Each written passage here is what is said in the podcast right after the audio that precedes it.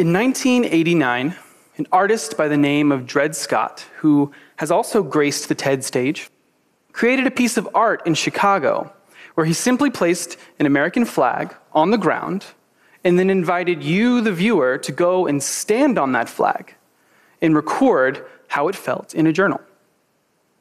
And to me, one of the most powerful things written in that journal, in essence, says, Why are we so okay with homeless people, with human beings laying on the ground, but not flags?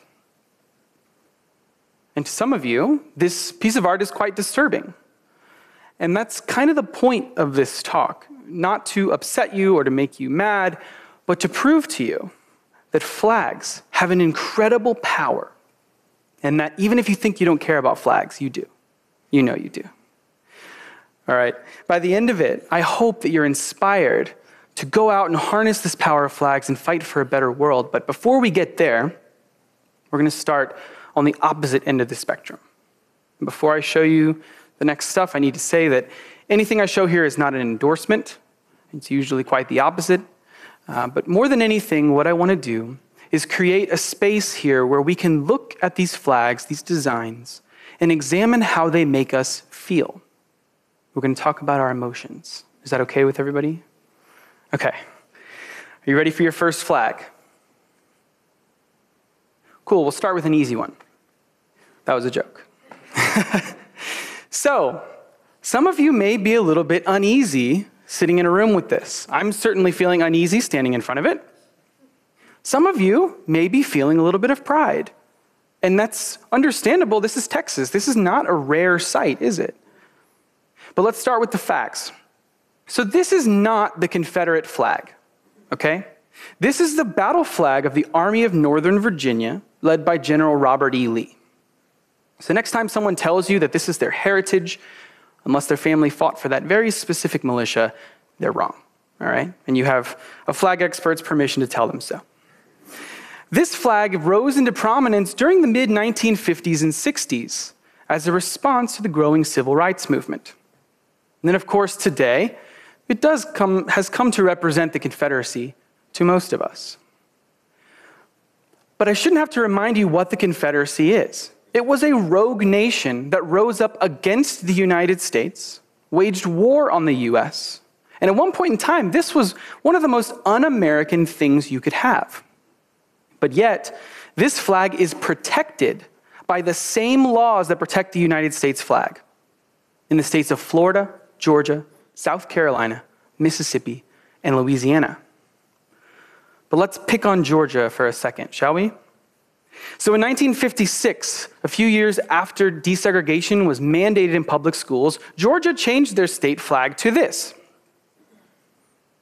I think everyone watching can agree that this was not meant to be a flag that every Georgian was proud to fly outside of their home, was it? Just like all of the Confederate statues erected in the mid 1950s and 60s, this was meant to be a symbol of who was in charge and who was not. This remained the flag of Georgia until the year 2001. And in that year, they changed their flag to this. Now, as a flag expert, I can tell you this is officially ugly. Okay? It's okay to laugh at this flag, it's ugly. And because it's so ugly, it, that's one of the reasons they changed it just two years later. They had a referendum where they got to choose between that thing and then what is now the current flag of Georgia. Now, some of you might be wondering wait a second, Michael, if that before wasn't the Confederate flag, what was the Confederate flag? Georgia flies the first flag of the Confederate States of America to this day. They just slap their state seal on it. But let's go back to our emotions for a second. That didn't punch you in the gut as much as the other one did, did it? Right? And that's why I love flags. They are the simplest pieces of design, usually just two or three colors, just some bars or stripes, but yet they can invoke the deepest emotions within us. They'll make us swell with pride or burn with hatred. We will die for a flag or even kill for one. One of my favorite designers, his name is Wally Olins. They call him the father of nation branding. And he's quoted as saying that everyone wants to belong, and then they want to display symbols of belonging. And it's crazy that these pieces of cloth that are just sewn together or dyed come to be such a sacred item. And that's because they become parts of our identity. They are powerful tools to unify, but equally powerful tools to divide. You ready for the next flag? All right. Take a moment, really examine how you felt when this hit the screen. I'm going to change the slide pretty quickly so you don't uh, take pictures of me in front of this one. All right? So, Germany, after World War I, it was in a pretty bad state. And a young Adolf Hitler had a lot of, let's call them ideas, of how Germany got to where they got and then how to get them out. And he spent entire chapters in his book, Mein Kampf, which I don't recommend reading, about how Germany lost World War I partially because the British had better graphic design and better propaganda. And so, as the Nazi Party rose, Hitler created one of the thickest brand guides I've ever seen. It's thicker than most company brand guides today. And in it, he details titles and uniforms and lots and lots of flags. Hitler knew the power of flags. He says in Mein Kampf, the new flag should prove effective as a large poster because, in hundreds of thousands of cases, a really striking emblem may be the first cause of awakening of interest in a movement. He was an artist, after all. He knew the power of visual identity and uniforms could reignite the German identity. And to millions of Germans, this was a welcome sign. But of course, this was also a mark of death to others. We don't often think of flags as weapons. But like the Confederate battle flag, the Germans used their flag to make an outgroup feel unwelcome and less than. You see, when you create a flag, you immediately do two things. You create an in group, a group that's meant to be represented by the symbol, but then inevitably you create an out group. And usually that's subtle, it's a byproduct, it's usually not the intent. But the Germans were very clear as to who was represented by the swastika and who was not. In 1935, Jewish people were banned from flying German flags. And in this way, the Germans, maybe more, than any other time in history, used the dual power of flags to unite, but also to divide.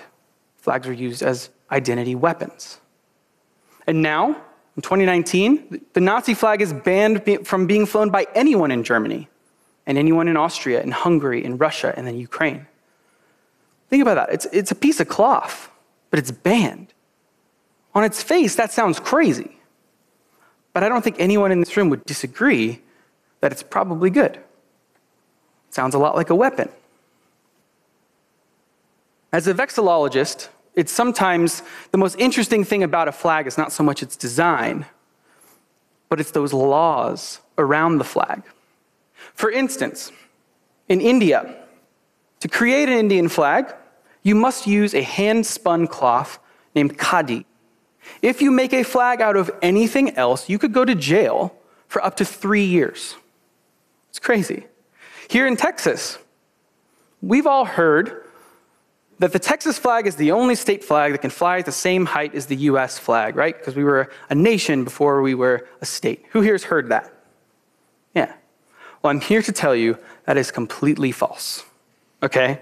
First of all, we were not the only state that was a nation before joining up. And secondly, all state flags can fly at the same height as the US flag according to the US flag code. And I don't have to ask you how you feel about this one, right? Most of us grew up pledging allegiance to this every morning, knowing we should never let it touch the ground, etc. We take our flag code very seriously here in the United States. You remember recently some NFL players kneeling during the national anthem. It was a big controversy.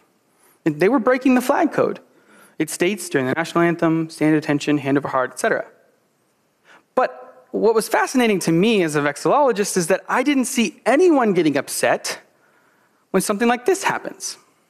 The flag code says the flag should never be carried flat or horizontally, but always aloft and free. So sometimes during the exact same national anthem, this was being done and no one's upset. Or this, this happens all the time. The flag code's clear. No part of the flag should ever be used as a costume or on an athletic uniform. This is Texas A&M baseball, not to get them in trouble. But this happens all the time, especially in November. I'm sure, I can almost guarantee when you leave here tonight, you will see on the back of someone's car or truck a black and white American flag with a blue stripe, a thin blue line, right? Blue Lives Matter. That breaks the flag code in multiple ways. But all of these things are done with the best intent. No one's here to argue that. But of course, they break a section of the flag code titled Respect for the Flag. So by putting this on your uniform, you are legally disrespecting the flag. And what I find interesting is that those NFL players kneeling during the anthem and the people who would put Blue Lives Matter stickers on their car are both on the opposite end of a very big issue. But they're both breaking the exact same law. A law that is 100% unenforceable. In fact, it was Dread Scott's piece of art in 1989 that led the Supreme Court to rule that the flag code is just a guideline. You cannot be prosecuted for breaking the flag code. You cannot be forced to be patriotic. So, why then have all of these little laws around how we use our flag if you can't enforce them? And that's because a nation is a fragile collective idea. It only exists in our minds. I see this. Thank you. Sometimes a flag is the only tangible symbol of that idea. Right? Our unity is sometimes only held together by literal threads. And that's powerful. The flag code is meant to preserve and protect that fragile idea while also protecting your right to break it. And that's what's special about the United States, right? And that's what's unique about our flag. Our flag is amazing. It has changed more than any other flag in the world. It's the flag code that says when a new state is created, a star shall be added to the union of the flag, and such addition shall take place on the fourth day of July. Our flag is unique because it is meant to grow as we grow. By design and by law, it is meant to change with us. It's a living symbol of our individuality, our diversity in the stars, and our unity. We have a gift in the United States to have a flag that is inclusive. If the Nazi flag was an identity weapon, the United States flag, by design alone, stands in direct contrast. And I have to say, as a vexillologist in 2019, using this flag as an identity weapon against anyone disrespects it far more than letting it touch the ground or any one of the other little laws that we break every day. Right? This flag is a symbol of our unity. We should never use this as a weapon against someone else. I resonate so deeply with the person who wrote in Dread Scott's journal. We should never value the symbol over the thing that it symbolizes. We should never value a piece of cloth over a human life. And if you're ever going to use a piece of cloth as a weapon, you should never use this one, not when it has always had room for more stars. Hopefully, by now, you've felt the power of flags and you can see what they can do. So, what if we harness that power and we used it to fight for something greater? This is the flag of Earth, designed by Oskar Pernefeldt of Sweden. Just imagine with me for a second what if we celebrated our humanity as much, if not more, than we celebrate our nationalities?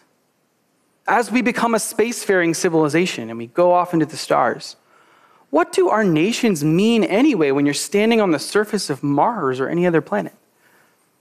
And then, of course, back here on Earth, as our planet is facing a climate crisis, as our climate could be unlivable in our children or grandchildren's lifetime, I believe we need a strong symbol, a flag, to unite us to fight not just as nations, but as a species.